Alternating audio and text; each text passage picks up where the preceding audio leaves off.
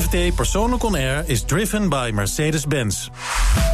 BNR Nieuwsradio. FD Persoonlijk On Air. Paul Lasseur. Welkom bij FD Persoonlijk On Air, live vanuit het Grand Hotel Amrad aan de Prins Hendrikade in Amsterdam. Whisky uit onverwachte hoek en de beste keukencadeaus, dat zo. Maar eerst, deze fotograaf won in mei de Deutsche Börsenprijs... en een week later de Nederlandse Fotoboekenprijs. Ze kreeg de prijzen voor haar fotoboek Imperial Courts... verspreid over 22 jaar maakte ze foto's in deze ghetto in L.A. Maar ze fotografeerde ook beroemdheden, van Tupac tot George Clooney. En vandaag is het hele uur mijn gast, Dana Luxemburg. Hartelijk welkom. Dank je. Wat leuk dat je er bent. Wat, wat betekenen die prijzen voor je? Is dat een belangrijke erkenning? Ja, nee, absoluut. En zeker met dit project, wat toch wel een heel groot deel van mijn leven, leven beslaat. Ja, dus ja. dat is uh, wat terecht mensen ook vaak naar verwijzen als mijn levenswerk. En dat uh, klopt ook wel een beetje. Ja, de Imperial Courts. Want, want Ja. dat is de, de naam van die, uh, van die projects. die, de- Ja, het, een- het ghetto in L.A.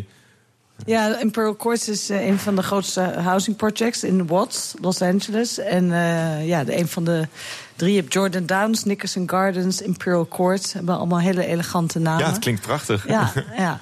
maar dat is een eufemisme voor... uh, ja, ja, het is voor wat je wel, daar eh, aantreft, Het is ja. echt, eh, ja, je kan het echt wel een ghetto noemen, want mensen wonen vrij geïsoleerd. Ja, je kwam, je kwam daar in 1993 te- terecht. Hè? Ja. In de nasleep van de rellen rond eh, Rodney King. Dat is die, die zwarte jongeman die, die was eh, mishandeld door de politie. Ja. Dat was gefilmd. En daar ont- ontstonden rellen. Want, want eh, die agenten werden helemaal niet vervolgd voor. Ja, die werden vrijgesproken. Ja. En na die vrijspraak barstte het los. En die rellen die, die brachten jou daar? Of, dat, of je was al in de buurt? Nee, ik ben, eh, na de rellen ben ik voor, heb ik voor Vrij Nederland een eh, reportage gemaakt. Daar in, eh, met, met Rudy Kagi in L.A. over de, de wederopbouw van die, dat gebied na de rellen.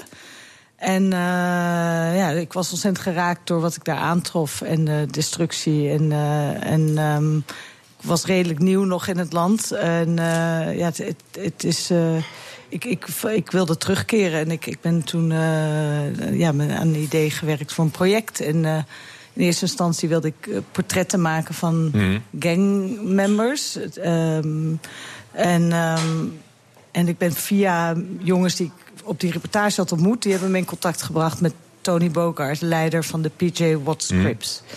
En via hem ben ik uiteindelijk een, eh, een jaar later in eh, Imperial Courts terechtgekomen. En heb ik in 93 met behulp van een eh, fantastische subsidie van het fonds hier in eh, Nederland... eh, kon ik daar een maand fotograferen. En, eh, Ja.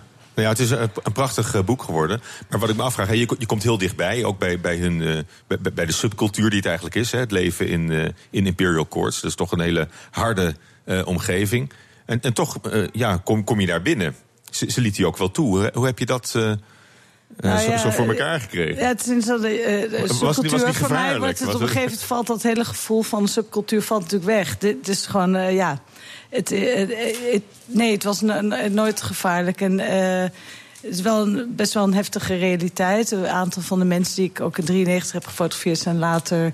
Eh, eh, vermoord. vermoord. En- En ook mensen die ik later weer fotografeerde. Want na 15 Mm. jaar ben ik weer verder gegaan met het project. Maar nee, maar doordat Tony Bogart, Tony zijn toestemming, zijn oké gaf. En eh, dat, dat, dat, en, eh, dat was heel belangrijk. Zonder hem had ik niet eh, toegang gekregen Ja. tot de buurt. En, ehm, en ik werkte. Maar, maar, maar To- Tony zelf is inmiddels ook overleden. Ja, minder dan een jaar nadat ik. Ik heb Ja. hem als allerlaatste gefotografeerd, want hij was eh, een beetje. On, hij wilde het niet zo. En dat portret van hem heb ik de, op de laatste dag gemaakt. Maar ja, nee, dat- het, het is. Het is ehm, eh, ik, ik, ik werk met een hele grote camera, Mhm. zo'n 4 bij 5 inch camera op een statief. Dus het is, het is best wel aanwezig. En je moet echt met mensen werken om zo'n foto te maken. En ik kon. ehm, in die tijd had je gelukkig nog Polaroid. Dat wordt nu niet meer gemaakt, helaas. Maar groot formaat Polaroid. En ik kon meteen een beeld, een foto geven aan ze. En ook de dag daarna kwam ik terug met contactsheets van de dag ervoor. En langzamerhand, doordat mensen zagen wat ik deed. En Je moest wel het- vertrouwen winnen. het werkproces, ja, dat ik elke dag ook terugkwam. Want er was ook in die tijd waren de vier agenten werden, kwamen opnieuw voor. En er, er was een enorme angst dat er weer rellen zouden uitbreken. Dus Ja, maar, was- maar die spanning echt onder de oppervlakte, die was, die was er altijd natuurlijk. Ja, nee, dat, dat, dat, en dat is natuurlijk nu ook wel gebleken dat zoveel jaar later dat er eigenlijk niet veel veranderd is. Ja. Nou, je, je lijkt me niet erg bang aangelegd, maar je bent ook niet bang geweest in de tijd dat je daar rondliep. Want je moest ook echt een beetje rondhangen, een beetje, een beetje in de, in de buurt. eh. maar um, in die tijd was het wel zo dat ze zeiden zelf, mensen in Imperial Court, van, uh, weet je, don't stay after dark. Als, als het donker werd, dan ging ik weg. En dan, want er waren soms wel gewoon schietpartijen. Maar Ja, het is wel een uh, avondklok. Ik voelde mezelf nooit. Uh, nee. In het, nee. En je hebt, je hebt dus, wat je zei, met, met een groot formaat camera heb je, ja. heb, je gewerkt. wat, wat, is dat precies voor, voor een camera? Betekent dat dat je ook niet in, in de zoeker hoeft te kijken, maar je, je onderwerpen gewoon in, in de ogen kunt kijken terwijl je fotografeert? Ja, precies. Je kijkt wel, je gaat onder een, vaak onder een doek als er veel. Uh, oh, je, echt de 19e eeuw, onder zo'n zwarte lap. Ja. ja, en dan is het zo'n accordeon, zo'n bello, zo'n. Uh, ik weet niet, dat, dat is ook echt, echt ja. En het is eigenlijk gewoon heel simpel een doos met een lens ervoor en een, een hele goede lens. En dan de, de film zit in uh, cassettes. Dus ja. op, in elke cassette zitten twee Eén, sheetjes. En dan kan met je, één afdruk dan? Nou, aan elke kant één. En dan moet je de cassette weer omdraaien. Dus als je hebt scherp gesteld... Als, als, zeker als iemand dichtbij is, je hebt scherp gesteld... dan is het natuurlijk zaak dat iemand... dan moet je de lens sluiten, doe je de film erin slide eruit, dan neem je het beeld. Dan kan ik een meter van de camera staan en het beeld nemen. Um, maar als iemand in de tussentijd weer naar voren of naar achter is gegaan... dan moet je eigenlijk overnieuw beginnen. Dus het is dus een heel geconcentreerd proces. En dat, dat is ook wat zo mooi eraan is. Dat je een heel uh, moment met iemand En, uh... ja, en in, in 2008 ben je, ben je teruggegaan ja. naar Imperial Courts. In 1993 was je, was je begonnen. Ja. En, en wat, trof, wat, trof je aan? Was het, was het nog hetzelfde? Was het, was het hoopgevend? Of, of was het juist een, een teleurstelling om te zien dat het nog steeds een hele moeilijke omgeving is om in op te groeien? Nou, ik had sowieso. Ik heb, door jaren heen ben ik wel langs gegaan. Ik heb ook foto's gebracht en ik heb wel contact gehouden. Dus ik wist ook wel op een gegeven moment dat bijvoorbeeld Spider, een van de jongens die ik had gefotografeerd, vermoord was. En die was weer vermoord door een. Of iemand anders die ik had gefotografeerd was bij die daarbij betrokken. En uh, er gebeurde gewoon al de verhaal. De foto's kregen eigenlijk een verhaal. En dat was uh, juist ja, ook heel mooi en ontroerend om te ervaren dat voor mensen daar. Dat, het was gewoon hun geschiedenis. En ze zeiden ook altijd tegen elkaar: Oh, she got everybody. Ik heb niet iedereen gefotografeerd, maar omdat er best wel. Ja, genoeg mensen dat het voor hun voelt van dit is ons, uh, dit is ons dit is onze uh, geschiedenis. Ja, je, je, bent even hun en, geworden. Nou, dat duurde nog wel even, maar toen ben ik, maar dat, dat in ieder geval die, die documentatie, dat die portretten er waren, en zij begonnen ook zelf te vragen van, are you gonna come back?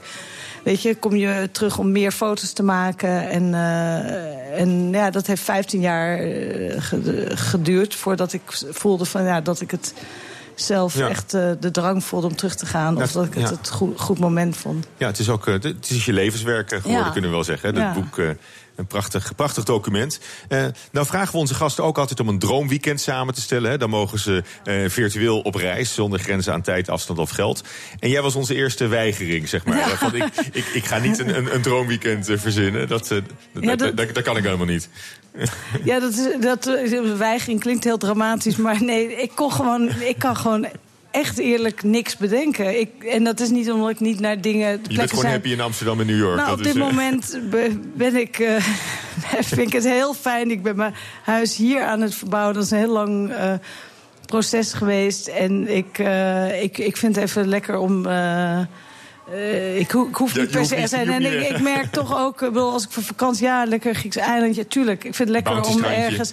Maar ik heb niet een soort uh, droombeeld. droombeeld. Want nee. dan, ja, dan of ben ik daar ja. al heen gegaan. Of, of ik, ik vind het altijd mooi, juist de plekken die ik aantref, die, die ik niet had verwacht. Of waar ik toevallig terecht ben gekomen. En, en, dat, en, het, is... en het heeft met vakantie of, of een droomweekend dan niet eens zoveel te maken. Nou ja, zoals net laatst in, in, met, met Myanmar. Ik ben de afgelopen twee jaar twee keer dus in Myanmar geweest. En daar heb ik nooit aan gedacht dat ik daar... Uh, Als vakantiebestemming. Heen, maar ik vind het super, ja, dan uh, prachtig. Dat was uh, om een serie portret van dichters te maken. En... Uh, uh, uh, de aanleiding van een film die vrienden mm. van mij hadden gemaakt, Burma Storybook. En dat, dat was, nou, dat, dat, ik vind het toch altijd mooi ja. als het voor combinatie ja. werk en. ja. Nou, we, nieuwe hebben- plekken we, ontdekken. we zijn een beetje dwars geweest. Want we, hebben, we hebben toch een soort droomweekend Ja, voor, je, voor je samengesteld. nou, graag. Eh, drie plekken eh, die in jouw levensverhaal eh, van, van belang zijn. probably don't make it this far when you come to my hood. So we just giving you a little glance of this. You know what I'm saying? Take a sneak peek while you can. To live and die in LA. To live in. New York City. It's where you go when you're ambitious. It's where you go to make it.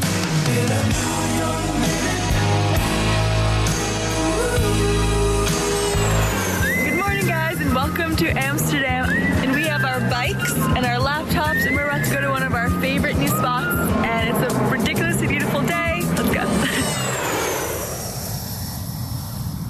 We eindigden in Amsterdam. Jij begon we- la- langs de Imperial Courts in New York, Ja. hè, waar, je ook, eh, waar je ook woont. En eh, eh, daar kwam je als au pair terecht, geloof ik. In New York ben je, ja, na de middelbare school ben ik een jaar au pair geweest Ja. in New York. Ja. Maar ook vo- voel je ook die, die ambitie, hè, wat, wat in, in deze quote langskwam. Daar ga je heen als je ambitieus bent. Als je het echt wil maken, dan ga je naar New York.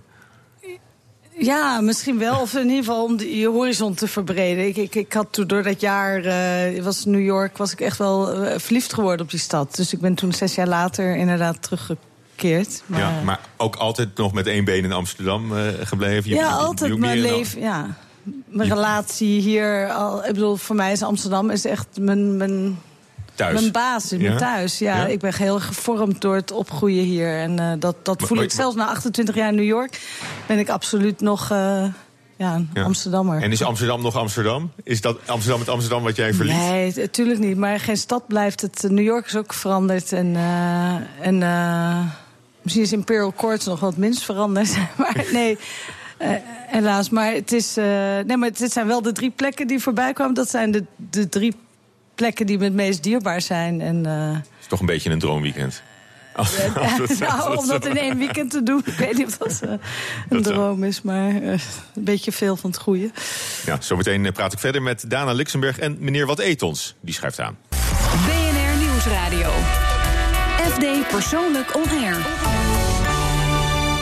Mijn gast vandaag is prijswinnend fotograaf Dana Luxemburg. Eh, Haar eh, boeken liggen op tafel. Twee van haar boeken, United States, dat is je eerste boek volgens mij. Ja. En Imperial Courts, dat is eh, je levenswerk. Hè? De ghetto in L.A. waar je eh, 22 jaar lang eh, op en af hebt, eh, hebt gefotografeerd en dat in, in beeld gebracht. Er is nu ook een, eh, een kookboek bovenop eh, komen liggen.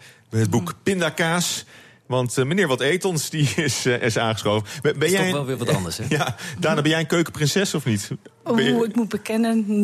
Niet- maar ik, niet zo? ik, ik hou van eh, lekker eten. dus Lekker eten eh, is wel aan jou besteed. Pindakaas ook of niet? Ja, vind ik heel lekker, pindakaas. Oké, nou, de, de Skippy of, eh, de- of het Nederlands eh, Nou, meer? ik vind een beetje van die, van die hipster pindakaas, een beetje sea salt. En eh, dat vind ik Oh, lekker. Weet nou, je dat- tegenwoordig dat- ook in dat- Nederland. eh, Dan zijn we Ja, denk dat ik bij wat ons aan het, eh, ja. aan het goede adres. Ja, zeker. zeker. Want eh, wat elke week hebben we een deskundige en die vertelt wat het eh, oog streelt en het hart raakt en de smaakpapillen prikkelt.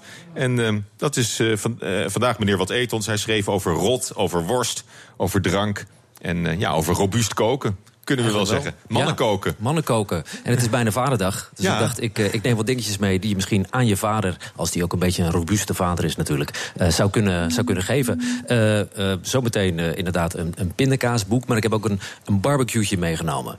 En vaders houden van barbecues, eh, sowieso mannen houden van, van barbecues. Maar dit is ook nog eens een, van en van vuur vuur, en een beetje fikkie stoken, een beetje roken en dat soort dingen. Dat, eh, dat, is, dat is, is ook gewoon leuk om te doen. Maar het is een heel klein dingetje. Het is een heel klein dingetje. Want hoe groot Ehm, is hij? En, eh, als een, een Ja, ik heb het niet ongeveer. gemeten. Wat, ja, twee sixpackjes naast elkaar, denk ik. Ja, meer is het niet. En een, en een ruig leren handvat van, Zeker, van maar hij is, ook, hij is ook elegant, Ja. vind ik. En het aardige is, hij is ook heel vernuftig. Hij zit slim in elkaar. Dus als je, daar word ik ook altijd heel erg enthousiast van. De bovenkant kan eraf.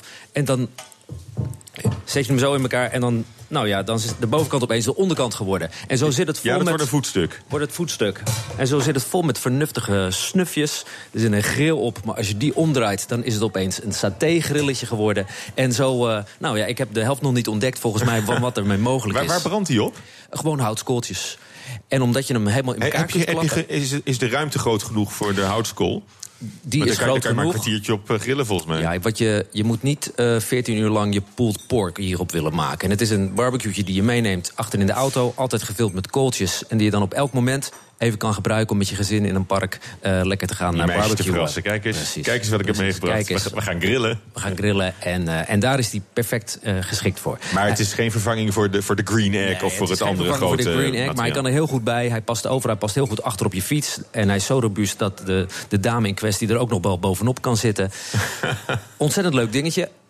Unagrill heet hij, unagrill.com. En hij is, het is van Nederlandse makelij. En eh, hij, het 14 juni verschijnt hij. Dus net op tijd voor eh, Vaderdag eh, ligt hij als het goed is in de winkels. Oké. Een beetje een manbag, hè, met dat hendeltje. Een ja. Precies, misschien hoef je er niet eens kooltjes in te doen... maar stop je er, weet ik veel, je, je, je, je, je telefoon in of iets dergelijks. En dan is het toch nog tof om ermee rond te lopen in de stad. Wel een duur ding waarschijnlijk. Valt mee, 149 euro. Ja. We gaan toch? Ja. Oh, oh. Voor een goede een- manbag een is het geen geld. Voor een manbag is het geen geld. Yes. Je hebt nog meer dingen meegebracht. Zeker, zeker, zeker. Dat is een heel angstaanjagend ja, ik heb een eh, heel instrument. angstaanjagend instrument bij me. Het is een eh, enorme injectiespuit met echt een angstaanjagend dikke naald erop. Hij is niet bedoeld voor in je bil of in je, in je arm. Beetje zo'n 19e eeuwse spuit. Een beetje wel, hè? Een beetje Een beetje wel. Darwin-achtige. En hij is bedoeld om te pekelen. Want als je dan toch gaat barbecuen... de makkelijkste en snelste en, en eenvoudigste manier... om je vlees meer smaak te geven... is het om in een zoutwaterbad te leggen. Maar daar moet, daar moet lang in liggen waarschijnlijk. Maar ja, dat kost natuurlijk tijd. En je krijgt spontaan het idee om in het park te gaan barbecuen. Dan heb je helemaal geen tijd om een waterbad te maken... en dat een hele nacht erin te laten liggen. Dan heb je dus kun je een waterbadje met pekel maken. En met deze injectiespuit dus het het gewoon erin injecteren. Pekelspuit, slagers gebruiken dit gewoon allemaal. Hè. Als die een gekookte ham maken, dat moet ook gepekeld worden... gaan ze echt geen vier weken wachten tot die helemaal door het ring is van zout. Die hebben gewoon zo'n ding, maar dan heel erg groot. En jij kunt dus ook slagertjes spelen door zo'n injectiespuit te kopen. En het heeft ook nog een zekere heroïne chic... die ik ook wel aantrekkelijk eh, Maar, het, vind. maar het, het is toch vals spelen? Nee, Dat- slim dat, dat, dat, valt me dan altijd zo op. Hè. Dan heb je, heb je het over, over fermenteren en Ja. over, eh, over, over die lang, langdurige processen... Ja. en over echt het hele pure ruige koken.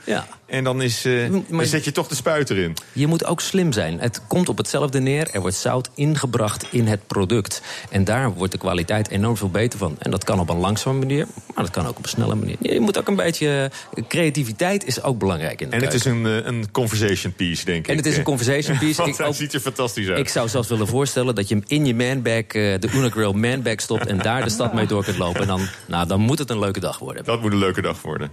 En tot slot, we hadden het er al over, het pindakaasboek. Ja, vanaf nu het hipster pindakaasboek eh, genoemd ben ik bang. Het heet eh, gewoon pindakaas of het pindakaas kookboek. Eh, dat is misschien voor de vader die helemaal geen zin heeft om te barbecuen Mm. en te pekelen. En weet ik veel, die wil gewoon krantje lezen en een boterham met pindakaas eten. Maar dan wel lekkere hipster eh, pindakaas met stukjes noot Niet, of niet, een gewoon, beetje niet gewoon gemalen pinda's dan. Nou ja, de echte hipster pindakaas is natuurlijk ge- gewoon gemalen eh, pinda's. Hè, want daar wordt het uiteindelijk van gemaakt.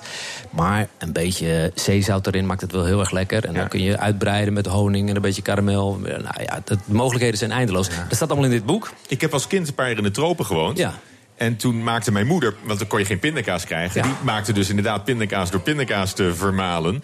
Maar er stond er wel een hele dikke laag olie op. Dat is, Na een paar dat, dagen. Dat, en dat is ook hipster natuurlijk. Hè. Het, er hoort eigenlijk een laag olie op pindakaas. Goede, goede pindakaas die je bij mooie eco-winkels koopt. Daar, daar zit gewoon een laag olie op. Ja, dat is nou eenmaal zo. Dat moet je beetje willen doorroeren. juist, ja. Beetje doorroeren en, eh, en eh, niks aan de hand. Maar dit boek gaat niet alleen maar over pindakaas maken. Want Niet ben alleen je over niet verder. waarschijnlijk. Nee, ook niet. Eh, Andere noten. Nee, nee, het gaat wel allemaal over pinda's. pinda's, ja. Maar ook alle dingen die je kunt maken met pindakaas. Of met pinda's en pindakaas. Mexicaanse hete spindasaus. Afrikaanse stoofschotel. Maakte jouw moeder dat wel eens in Nigeria? Eh pinda pesto, eh, maar ook veel taarten. Pinda, Pinda popcorn. pesto, dat, dat klinkt ook wel zinnig goed. Bacon choco pindakoekjes. Die ga ik vanmiddag gegarandeerd bakken. Eh, en het is ook nog eens heel erg leuk vormgegeven. Want het is van uitgeverij Loopvis. En die wint altijd prijzen door een beetje ja, grappige, opvallende vormgeving. De auteursportretten zijn uitgevoerd in pindakaas bijvoorbeeld. En, eh, En volgens een- mij zijn er waanzinnig veel pindakaasfans.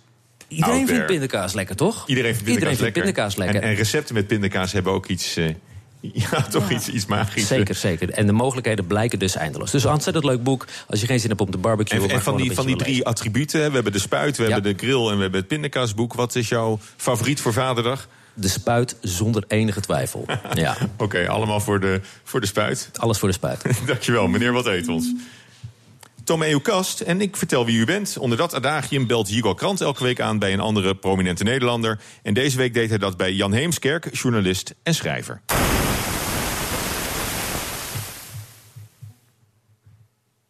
Dat is nog niet Jan Heemskerk, de journalist en schrijver. Er, gaat, eh, er lijkt wel even iets, eh, iets, iets mis te gaan in de, in de techniek. Daarom eh, gaan we een, eh, een nummer draaien, denk ik. Hè? We, gaan, we gaan muziek draaien. Je, hebt een, je mag ook een plaat altijd aanvragen, Dana, in, in dit programma. Ja. En waar heb jij voor gekozen? Nou, ik, ik, Jaren negentig hip-hop, hè? Dat ja, is, dat maar is ik weet niet welk nummer. Ik had er twee. Oh, van eh, eh, Tupac en Dr. Dre. Ja, dat nummer dat was toen, eh, dat is van de plaat The Chronic, Nothing But a G-Thing. En het, dat was toen, toen ik daar voor het eerst Imperial Course inreed, dat, dat was die plaat Dat was echt de net soundtrack aan het van... doorbreken. En dat was, zat ik in mijn autootje, reek over de freeway. En ja, dit was de soundtrack van mijn eerste periode daar. Nou, daar, daar gaan we nu naar luisteren.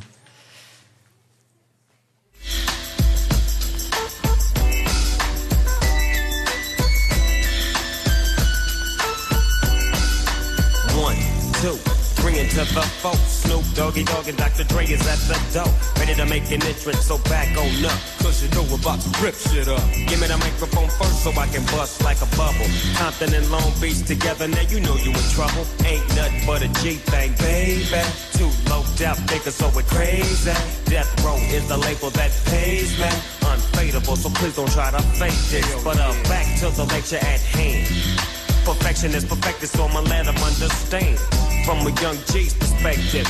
And before me digging a bitch, I have to find a contraceptive. You never know, she could be earning her man and learning her man. And at the same time, burning her man. Now you know I ain't with that shit, Lieutenant. Ain't no pussy good enough to get burned while I'm offended. And that's realer than real deal, holy feel. And now you hookers and hoes know how I feel. Well, if it's good enough to get broke off a proper chunk, I take a small piece of some of that funky stuff. It's like this and like that and like this and uh. It's like that and like this and like that and uh. It's like this and like that and like this and uh. Drake creep to the mic like a fan. Well, I'm peeping and I'm creeping and I'm creeping. But I damn near got caught, cause my beeper kept beeping. Now it's time for me to make my impression felt. So sit back, relax, and strap on your seatbelt. You've never been on a ride like this before. With a producer who can rap and control the maestro. At the same time, with the dope rhyme that I kick. You know and I know I flow some old funky shit. To add to my collection, this selection symbolizes dope. Take a toke, but don't choke. If you do, you have no clue of what me and my homie Snoop Dogg came to do. It's like this and like that like this and uh, it's like that like this and like that and uh, it's like this. And who gives a fuck about those? So just chill to the next episode.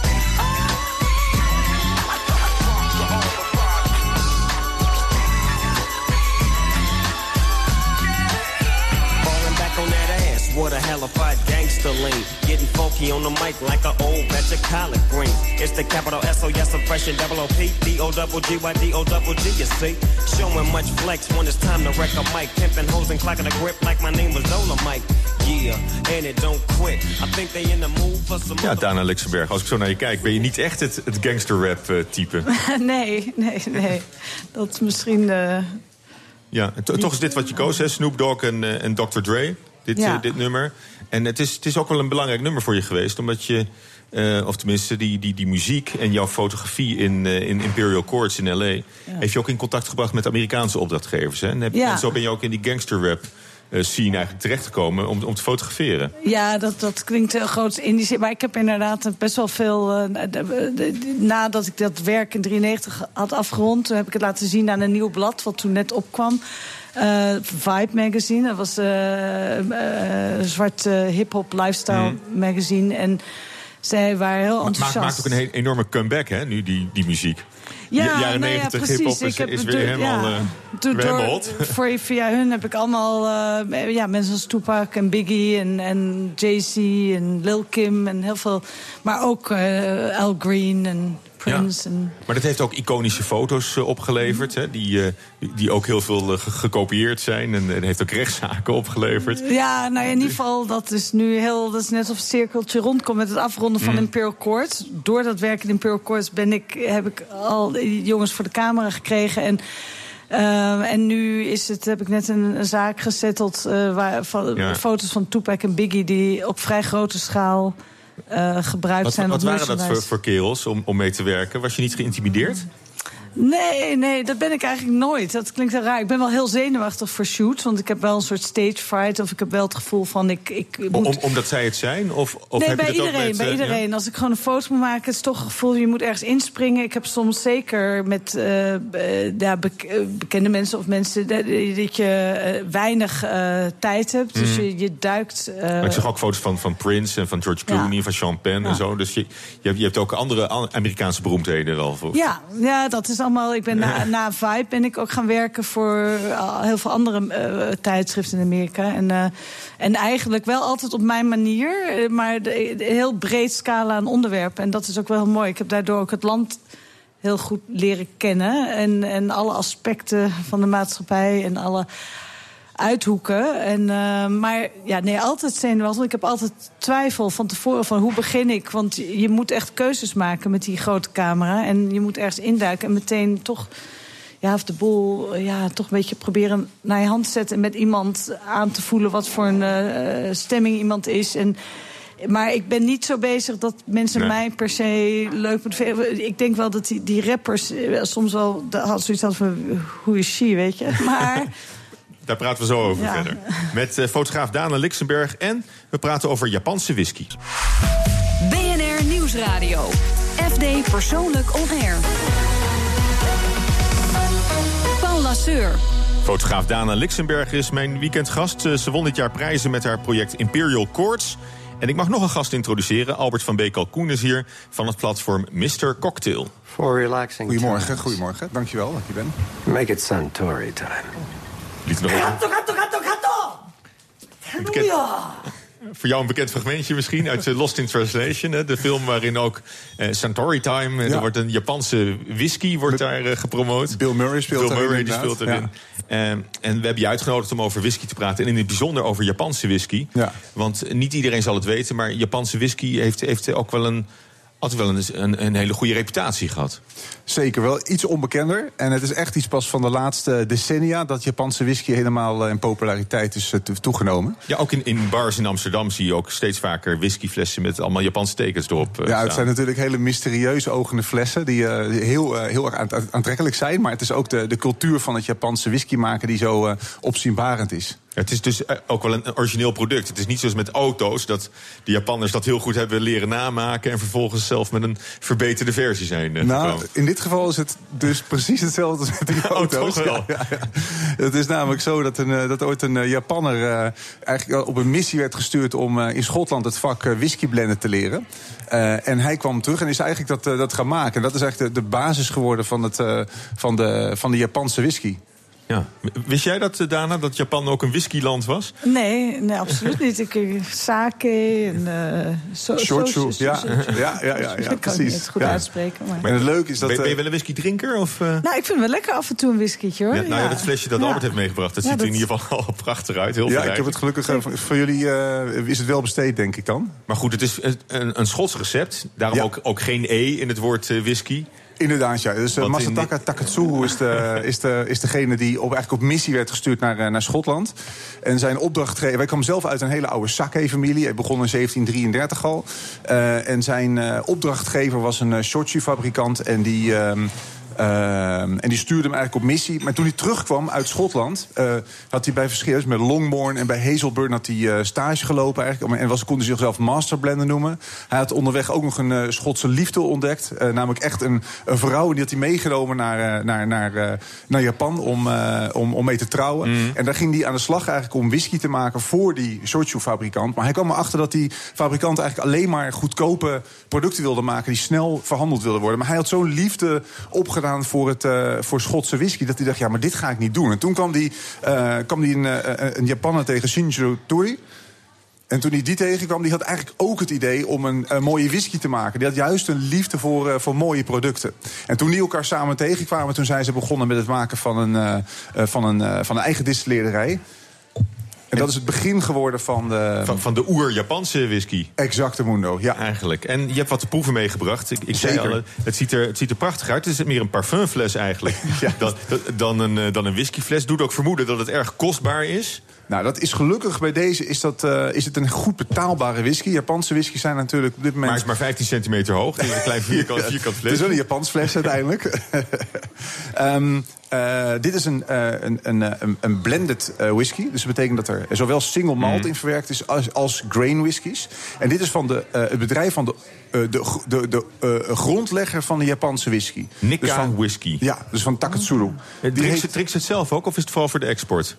Hele goede vraag, want het is een Japanse. Het, leuke is eigenlijk, eh, is er zijn twee grote eh, whiskymakers in eh, Japan. Je hebt aan de ene kant, wat we hier zien, is Nikka.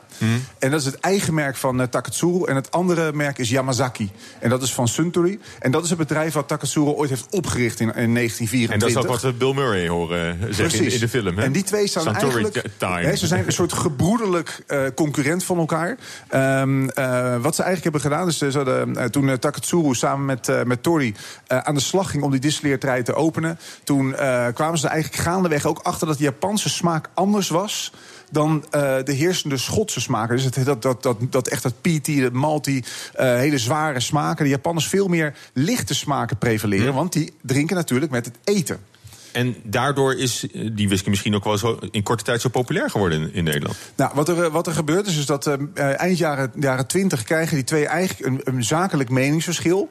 Eh, en de ene die besluit om, eh, om een, een lichtere whisky te maken. En eh, Takatsuru die gaat zeg maar, zijn eigen distillerij openen. ja, ja. Ze zaten oorspronkelijk op, op Kyoto. En hij vertrekt eigenlijk helemaal naar het hoge noorden, naar Hokkaido. Om daar een whiskydistillerij te openen. Want dat komt het meest overeen met het Schotse klimaat. Koud, sneeuw, regen, geen onweersbouwen. Nee, het leuke is dat hij dus ook de malt, dus de gemouten eh, gerst, die importeert hij vanuit Schotland. Oké, ja, ja, ja. En we gaan het ook, eh, we gaan het ook proeven. We hebben wat ingeschonken. Hoe, hoe, hoe drink je dit? Is nog een speciale. Nee, hoor. Hoe, hoe doen Japanners dat? Gewoon, een- gewoon een slok nemen? Of is.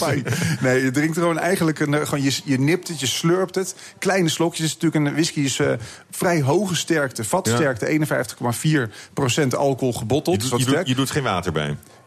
Het mag, maar het hoeft niet. Het is namelijk een hele zacht toegankelijke whisky. Maar er zit wel hele mooie complexiteit in. Dat is eigenlijk typerend voor de, voor de Japanse whiskies. Dat het eh, toegankelijk is, licht, fruitig, maar is lekker, tegelijkertijd... Ja, ik zie daar nou ook al heel, Ja, eh, heel tevreden kijken. Nou ja, dit, zo op dit de vroege ochtend. eh, Ja, maar dit is het beste moment van de Ja, dag, precies. weten we. En zeggen we ook altijd om, eh, om het te proeven.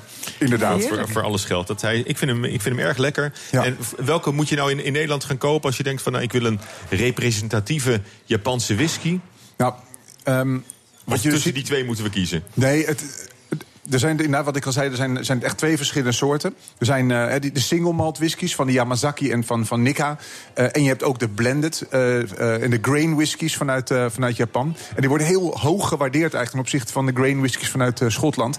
Ik denk dat dit Sorry, dat dit een, ehm, eh, een mooie whisky is om mee te beginnen. Maar vanaf hier kun je nou ja, naar een hele mooie 12, 18 jaar oud... naar de, echt die award-winning Japanse whiskies... waar ze de afgelopen zeg maar, 10 jaar zo beroemd mee zijn geworden. Deze mag ook op het eh, Vaderdaglijstje, denk ik. hè? Absoluut, Ja, absoluut. Een, het, is een, in ieder geval, het, het geeft mooi weg. Het ziet er ook nog eens eh, prachtig uit. Dankjewel, Albert van Beek Kalkoen van het platform Mr. Cocktail. En eh, terwijl wij van onze whisky genieten... gaan we toch nog even luisteren naar Jigo Krant... in gesprek met eh, journalist en schrijver Jan Heemskerk. Jan Heemskerk, zijn eigen habitat. Zeker. Ik nam graag een eh, kijkje in jouw kast. Moet dat maar, hè? Het hoeft niet, dan ga ik weer. Ah, nee, dat is ook zo zonde. Hier is een dobbelsteen, neem die ter hand. Aan jou om zes kasten te selecteren. Ja, de- de- de- deze kast is, daar schuilt wel een verhaal in. En wat is het? Een servicekast. Ja, dat is duidelijk een servieskast. Ik ben het daar wel mee eens. Koelkast, laten we die niet eh, vergeten. Belangrijk, op twee. Favoriete kasten. Het Japanse kastje, zoals dat eh, heet. Boekenkasten hebben we een zootje van. Oké, zitten we op vier. En de kledingkast. Kledingkast op vijf. Hebben we er nog één nodig? Eh, we hebben de speelgoedkast boven nog op zes. Nou, roll the dice. Twee. De ijskast. Ja. Dat was je lievelingskast. Dat was zeker mijn lievelingskast. Waarom is de ijskast je lievelingskast? Nou ja, daar schuilt het meest recente verhaal. De ijskast namelijk is tegenwoordig bijna altijd leeg. Dat Aan komt- het eh, lijnen. Ja. Echt waar? Ja. Kijk, het is een, het is een joekel van een ijskast. Dit is een uitvouw Amerikaanse ijskast. En daar kun je dus voldoende drank en vreten voor een feest met 20 man achterloos in kwijt. En nu vooral vallen er gaten. En dat komt alleen maar omdat we hier niet meer eten. En, en ook vooral niet meer drinken. Maar waarom niet? Omdat ik vond dat ik een beetje zwaar was. 110 kilo. En dat het toch niet zo gezond was, eh, bloeddruk. eh, Geen esthetische zaak, maar gewoon... eh, ja, nee, ik ben niet, nou, dat is het later grappig genoeg geworden.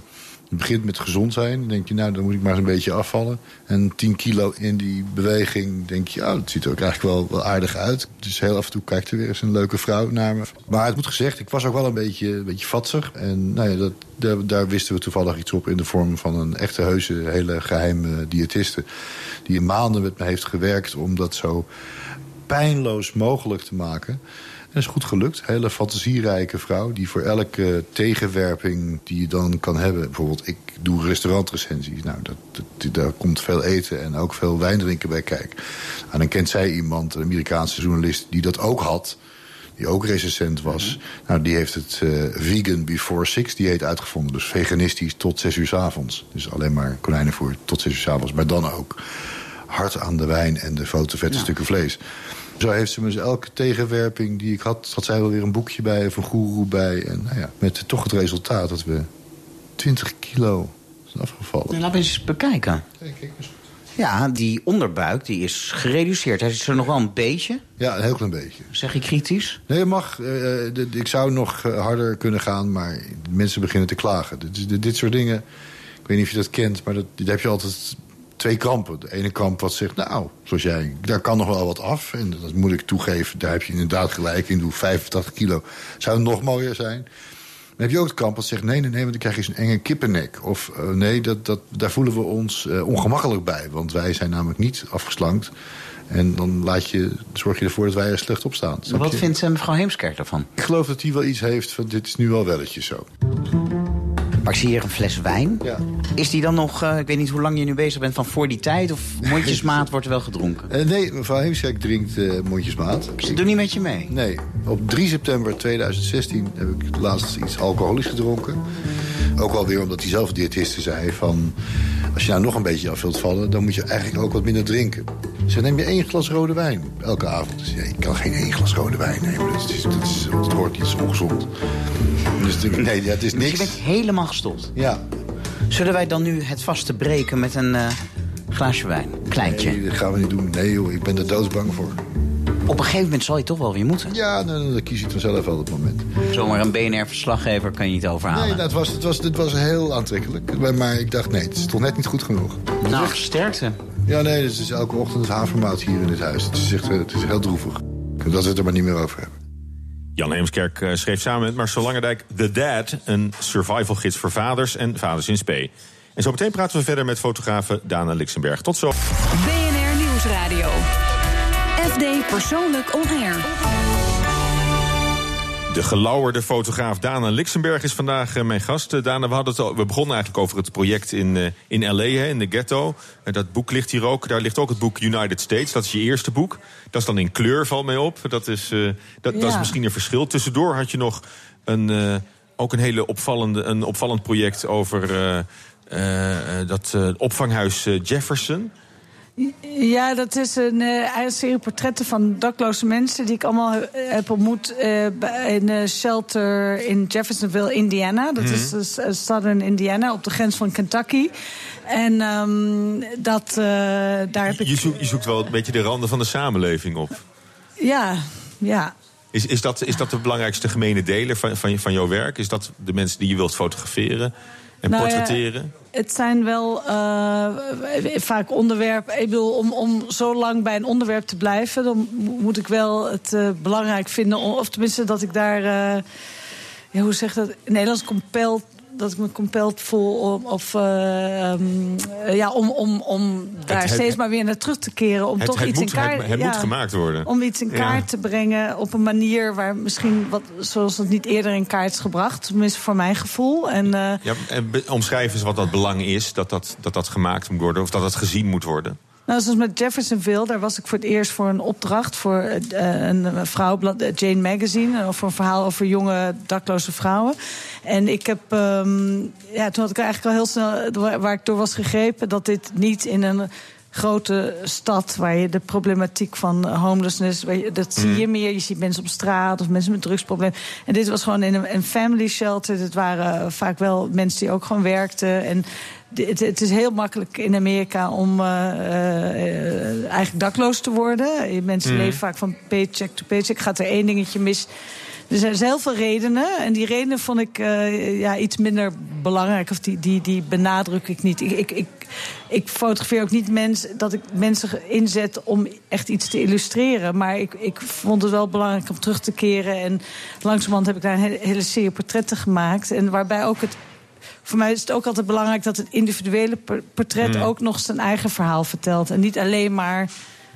En, en wil je zielige mensen laten zien of wil je juist trotse mensen laten zien? Ja, het is nooit. Ja. leven is eh, veel. Ik, ik, sowieso niet dat mensen zielig zijn. Het is, het is een onrecht dat Nou, mensen. ze zijn niet, ze zijn niet benijdenswaardig eh, in Nee, maar da- daarom des te eh, meer respect en bewondering heb ik vaak voor mensen hoe ze zich eh, toch de dagen. Ik, ik zou dat zelf behoorlijk heftig Je vinden. die- portretteert die knokkers zelf- eigenlijk.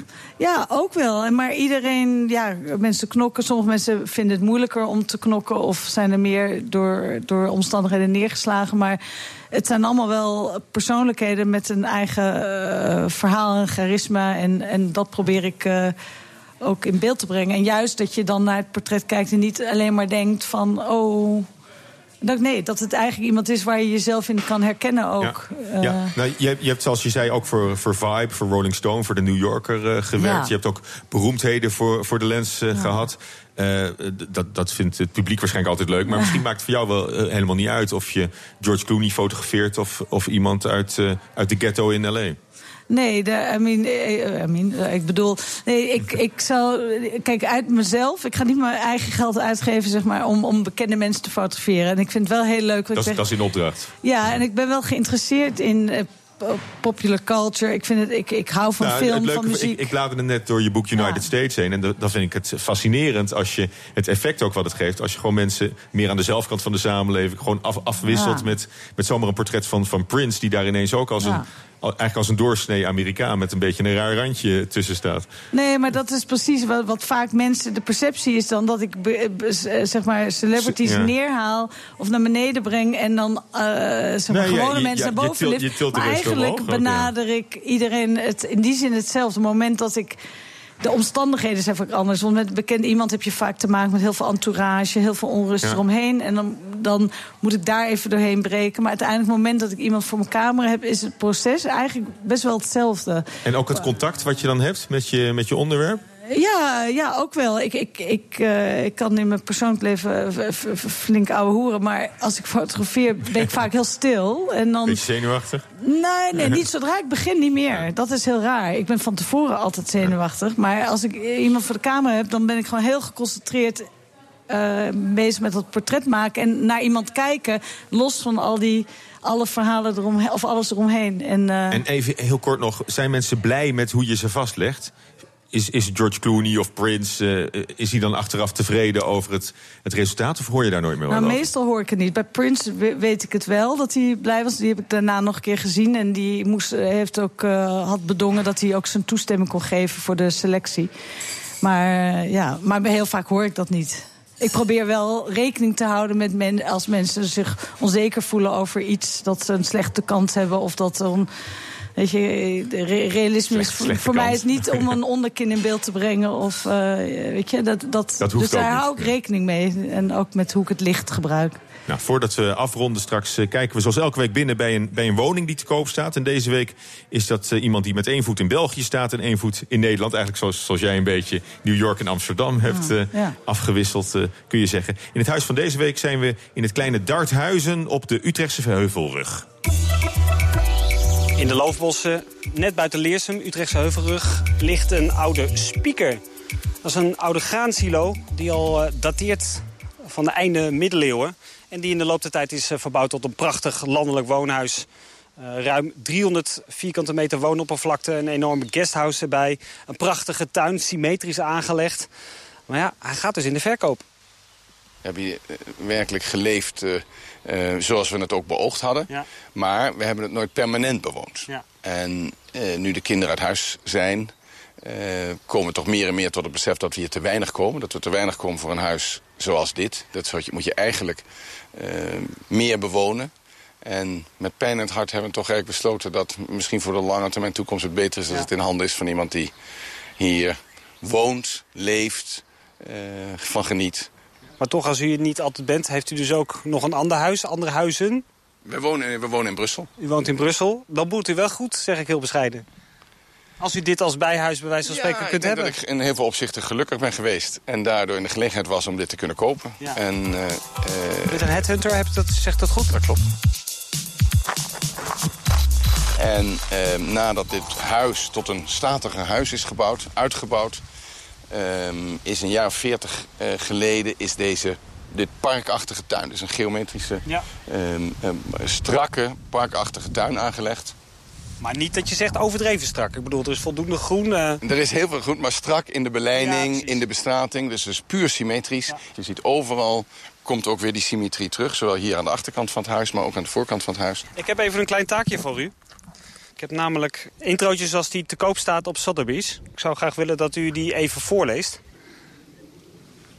Het huis, feeriek, lieflijk, van een ingetogen gratie.